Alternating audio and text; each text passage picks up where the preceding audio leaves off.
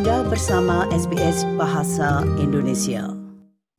Pendengar, apakah seorang anak yang pernah mengalami trauma dapat pulih kembali dengan bantuan yang tepat? Orang tua dan pengasuh memainkan peran penting dalam membantu anak-anak mendapatkan kembali rasa aman dan sejahtera. Episode Australia Explain kali ini akan memberikan beberapa strategi bagi orang tua dan pengasuh untuk mendukung pemulihan anak. Menurut Dr. Dave Pasalif, dosen senior dan fisiolog klinis di Fakultas Kedokteran dan Fisiologi dari ANU, anak-anak dapat mengalami trauma dalam berbagai cara. Children experience trauma when they're exposed to very harmful or threatening events and they feel overwhelmed, distressed, and helpless. These intense events include things like natural disasters or car accidents, war, violence, abuse, and even distressing separations from caregivers. Norma Bowles adalah staf proyek intervensi dini di Community Migrant Resource Center atau CMRC di Paramata di daerah Greater Sydney.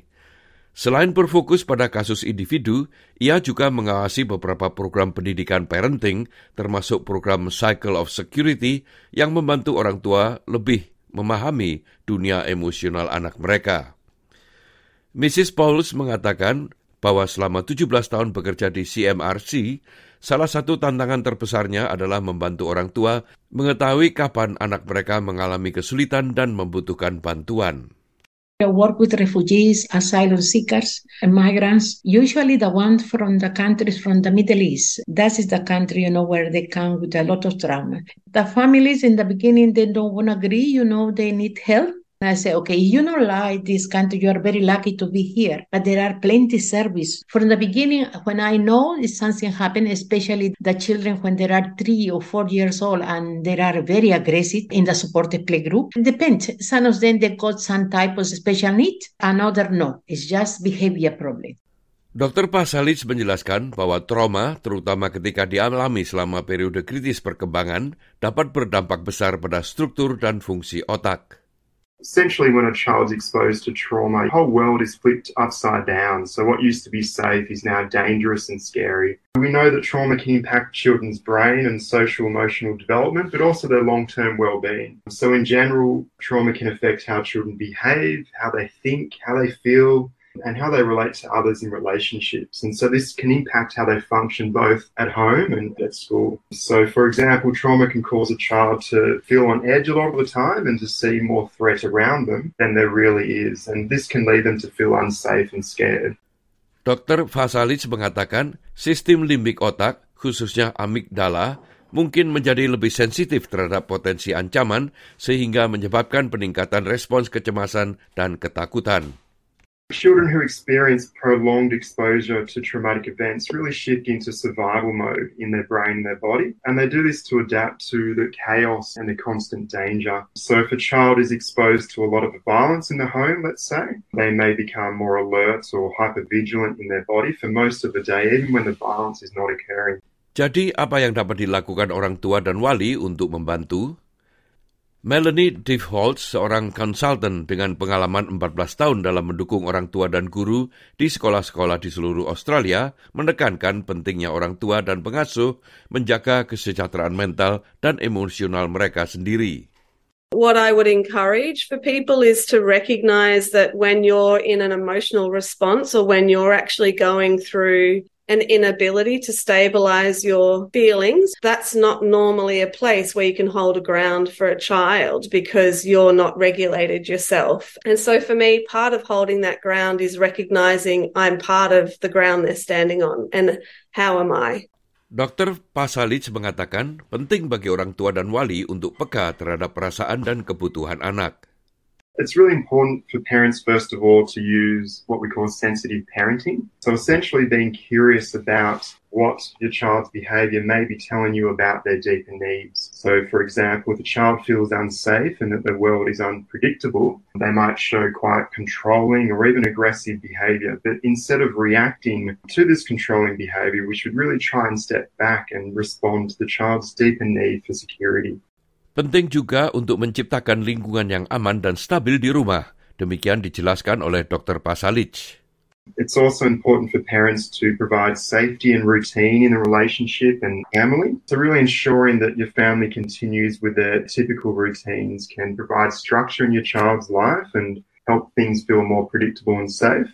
And then it's really important for parents to spend time with their child and to prioritize that relationship. So maintaining a safe and secure relationship with your child is the most vital activity following exposure to traumatic events. Your child would need you to be calm and loving in order to aid their recovery. Menurut Dr. Pasalic, banyak anak yang pulih secara alami dari trauma, namun ada kalanya diperlukan untuk mencari bantuan profesional. If your child does not show a path of recovery or perhaps if their problems escalate and impact on their everyday life, then it's really important to seek professional help. This help could come from a trained and accredited therapist, such as a psychologist or a mental health counsellor, um, anyone with experience in working with child trauma. P. Delahab bekerja sebagai play therapist di B Center Foundation di daerah Warriewood di Sydney.